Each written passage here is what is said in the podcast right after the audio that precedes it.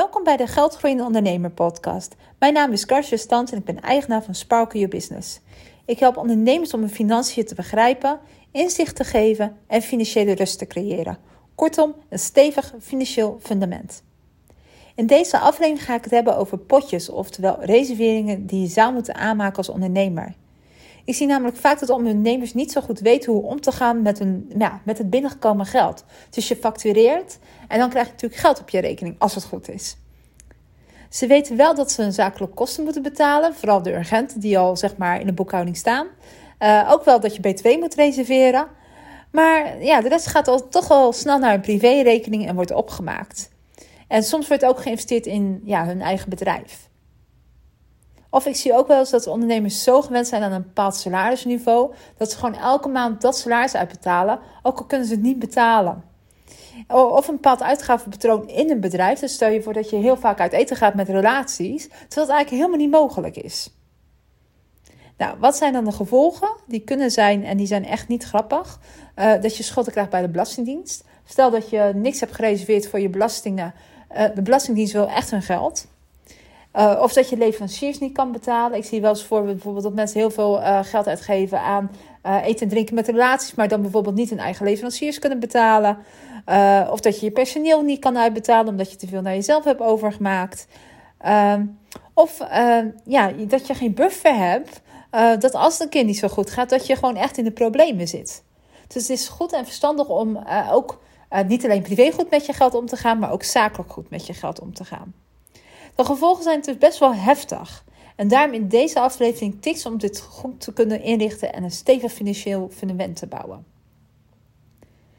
Je kan een hoop voorkomen met het maken van potjes en reserveringen. Bij Bunk en Knap is het echt heel fijn geregeld, hè, de banken. Uh, daar kan je gratis onbeperkt spaarpotjes aan maken, bij de ING ook. Uh, de andere banken uh, gaat het volgens mij nog wat moeilijker, of moet je ervoor betalen, of het soms niet mogelijk. Dus kijk even ook goed wel wat jouw bank kan. En het is aan te raden soms ook om over te stappen naar een bank waar dat wel mogelijk is, omdat je zoveel financiële rust en inzicht geeft.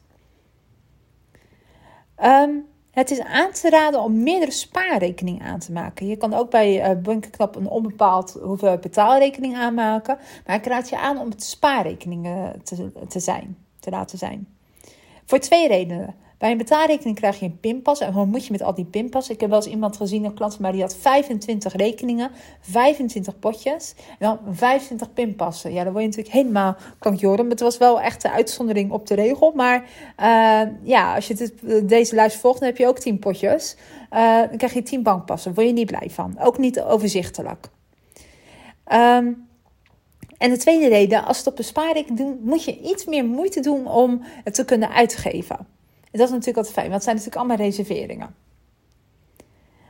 Um, we gaan uit als het geld binnenkomt dat het gewoon even op een ontvangstrekening komt. In mijn geval is dat ook gelijk mijn kostenrekening. Ik heb zelf berekend uh, wat ik ongeveer qua percentage qua kosten heb. Uh, dat kan bij jou heel anders zijn. Ik heb niet zo heel veel kosten. Uh, want bij mij is het natuurlijk allemaal één op één. Ik heb een paar softwarekosten en al. Maar als je natuurlijk een groot bedrijf hebt, heb je grote personeelskosten. Of je hebt misschien een hele grote voorraad. Dus uh, kijk samen even met een uh, financieel expert of je boekhouder hoeveel ongeveer je voor je kosten apart moet zetten. Maar goed, dan blijft er nog geld over. Stel dat het percentage 20% is, dan heb je nog steeds 80% over. Wat ga je daarmee doen? Nou, het eerste potje wat je aanraad om te maken is een buffer. Je buffer is het geld wat op je rekening staat en die zorgt voor jouw salaris als het wat minder gaat. Dus als het slecht gaat met je bedrijf, dan zorgt een buffer, uh, een buffer ervoor dat je nog wel de hypotheek of huur van je eigen huis kan betalen. Erg belangrijk dus, want het ondernemen is natuurlijk niet altijd feest. Hè? Soms gaat het goed, soms gaat het slecht. Maar het is natuurlijk fijn om te weten dat er iets op de achtergrond is waar je op kan terugvallen. En toch hebben weinig ondernemers een buffer, of door de coronacrisis, dat ze eigenlijk helemaal zijn uh, ingeteerd op een buffer, dat er eigenlijk gewoon niks meer over is. Mijn advies is dus, ga deze opbouwen. Voor jezelf, voor je eigen gemoedsrust. Dat als het keer een beetje minder gaat, dat je niet gelijk in de problemen komt privé. Elke maand zet ik zelf een bedrag apart op mijn uh, privérekening in dit geval. Je kan, uh, ja, je kan kiezen. Um, ik heb het daar nog later over hoe ik het doe. Ik doe mijzelf gewoon even een hoog salaris uitkeren en heb op een privérekening een uh, spaarrekening buffer. Maar ook, ik zie ook heel veel mensen die gewoon een zakelijke rekening hebben. Maar zorg ervoor dat een percentage naar je buffer gaat.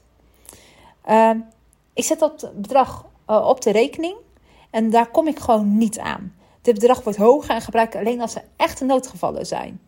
Uh, dus als ik mezelf geen salaris kan uitkeren, bijvoorbeeld, of dat een keertje slecht gaat, ik heb het gelukkig nog nooit gehad, maar stel dat, uh, dan kan ik daaruit putten. Ik gebruik bijvoorbeeld niet voor investeringen in mijn bedrijf. Of als ik een keertje geld tekort kom voor lunch. Of dat ik een nieuw fototoestel wil of zo. Nee, dat geld blijft staan, behalve voor echte noodgevallen. En ehm, de vraag is natuurlijk hoe hoog moet deze buffer zijn? Ja, dat hangt af van je persoonlijke situatie en hoe jij bent als persoon. Ik heb een buffer voor twee jaar. Dat is echt extreem. Maar ik vond daar super comfortabel bij. Er een enorm bedrag op. Maar ik weet gewoon, als het slecht gaat, als iedereen wegloopt, als heel de wereld in elkaar stort, dat ik gewoon twee jaar kan leven. Uh, heerlijk. Ik vind dat heerlijk. Maar heel veel mensen, uh, het, het, is ook best wel uh, in statie. Het is ook wel veel geld natuurlijk. Dus je moet ook wel even die discipline hebben. Um, maar voor jou is misschien twee jaar um, veel te ongemakkelijk. En denk je, nou, ik vind het voor vier maanden ook goed. Ik zou wel aanraden om minimaal vier maanden buffer te hebben. He, dus uh, stel je voor dat jij een minimaal inkomen hebt van 1500. En met minimaal inkomen bedoel ik uh, dat, jij een, uh, dat jij gewoon in je huis kan blijven wonen, eten kan halen. En het is geen luxe dingen als een dure vakantie. Maar gewoon echt de basisdingen die jij nodig hebt om gewoon een normaal leven te leiden. Dat je huis, energie, um, nou, noem maar op, kan betalen. Nou, stel je voor dat je minimaal inkomen 1500 euro is. En dan heb je dus een buffer nodig voor vier maanden, dus 4 maal 1500 van 6000 op je rekening. Ga die opbouwen. Maak elke maand een bedrag over van uh, eh, 100 euro of 200 euro, uh, zodat die buffer kan, ja, op, ja, dat je die buffer kan aanvullen. Als dat bedrag er staat, kan je die, ja, dan hoef je daar natuurlijk geen bedrag meer voor naartoe te boeken. maar dan blijft wel die 6000 euro op die rekening. En nog één extra trip: beleg dit bedrag niet. Want ehm, het is natuurlijk nu allemaal holla die op, die uh, op, de, op de beurs. De bitcoin stijgt, alles stijgt. Uh, de AIX stijgt. Het is eigenlijk bijna niet normaal meer. Maar die beurzen gaan nog een keer naar beneden. En het is natuurlijk super zonde dat als jij heel dat brug hebt ingelegd en het dan op dat moment nodig hebt, dat het helemaal verdampt is. Want meestal als er een crisis is, dan heb jij ook dat geld juist nodig. Dus wees daar echt voorzichtig mee. Um, ik beleg veel ander geld, maar dat, dat bedrag wat ik daar heb staan, beleg ik niet. Omdat, ja, omdat het hartstikke onzeker is natuurlijk op de beurs. Nogmaals, uh, dat ligt aan jou. Hè? Het is hoe, hoeveel risicomijdend je bent of uh, hoe erg jij risico's durft te nemen. Uh, maar dit potje, de buffer, en ook daar het volgende potje waar ik het ook ga hebben, dan ga je niet beleggen. Want het volgende potje is inkomstenbelasting en BTW. Stel je, um, ja, ik kom zo nog even op het belegstuk terug. Want uh, het tweede potje wat ik je inderdaad aanraad is belastingen. Want zet je BTW apart en je te betalen inkomstenbelasting. En maak je twee aparte rekeningen van. Je BTW zet je iedere keer apart als er een betaling binnenkomt. Ik weet, Knap doet het nu automatisch, de 21%, Bunk volgens mij ook. Uh, maar kijk even of dat in jouw bank mogelijk is. Maar dat in ieder geval de BTW altijd even uh, apart wordt gezet. Dit geld is gewoon namelijk niet voor jou, het is voor de Belastingdienst.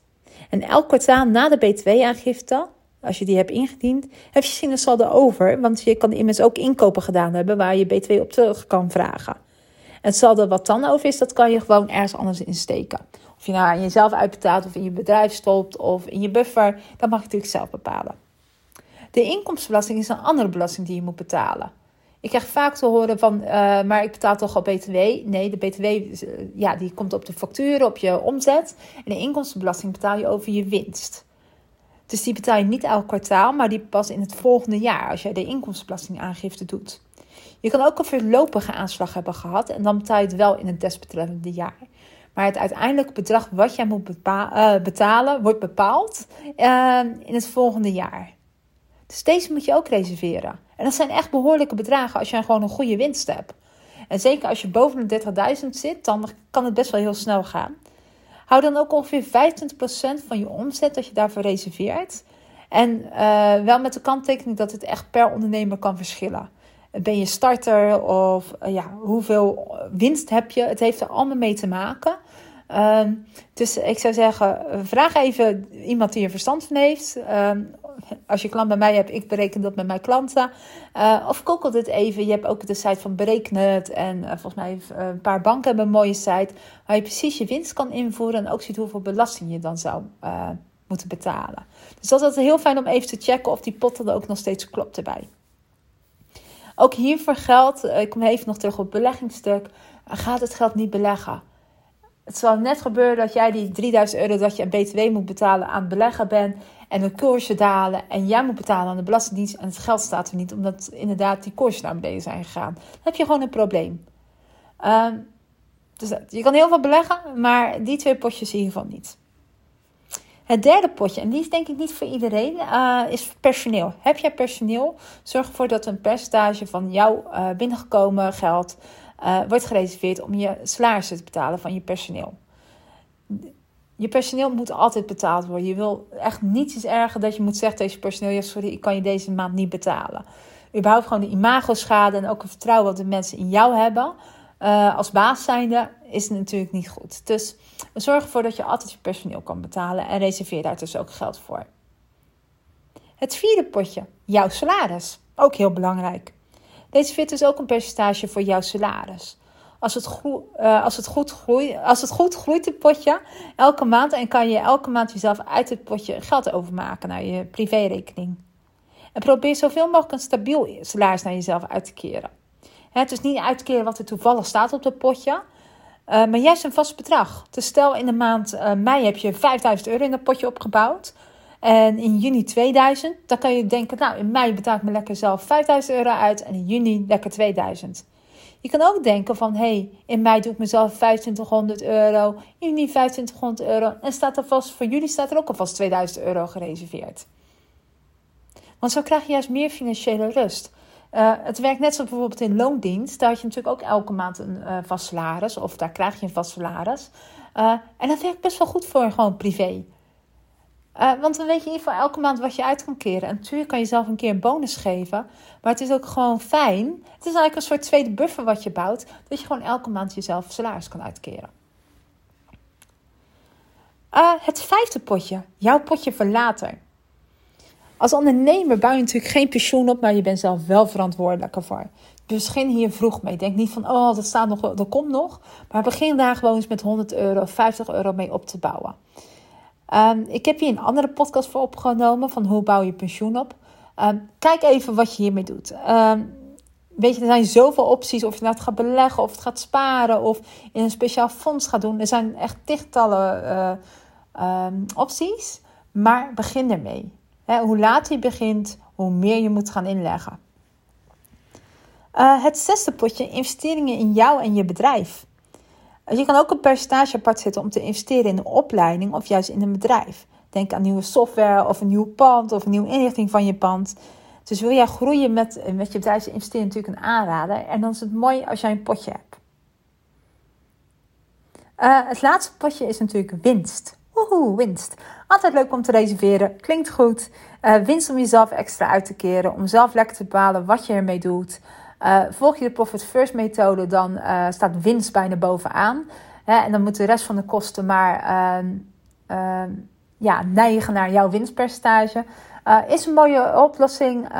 kan werken voor jou. of je kan ook gewoon een bepaald percentage daar naartoe doen. En als je geld tekort komt, dan zou ik zeker aanraden om heel even uit die winstpot te halen. Het kan natuurlijk niet zo zijn dat je winst daar staan en je personeel kan, niet kan uitbetalen. Um, maar het is altijd mooi als je winst reserveert. En natuurlijk ook te kijken als je winst moet overboeken naar, uh, naar je personeelskosten of naar gewoon je normale zakelijke kosten. dat je daar heel even dan naar kijkt dat je iets anders moet doen in je bedrijf. Nou, en denk je nu, jeetje, zeven potje met al die percentages, dat lijkt wel hogere wiskunde. Ehm, nou, dat blijkt het ook inderdaad bijna wel. Uh, maar begin eerst eens even met drie potjes. Ik zou starten met het buffer en je belastingpotjes. Dus de BTW en de inkomstenbelasting. En zet hier gewoon, begin hier gewoon geld voor op te, te zetten. Dus uh, inderdaad, je BTW-pot altijd vullen, je inkomstenbelasting, je buffer een deel. En wat de rest overblijft, dan maak je misschien even naar jezelf over.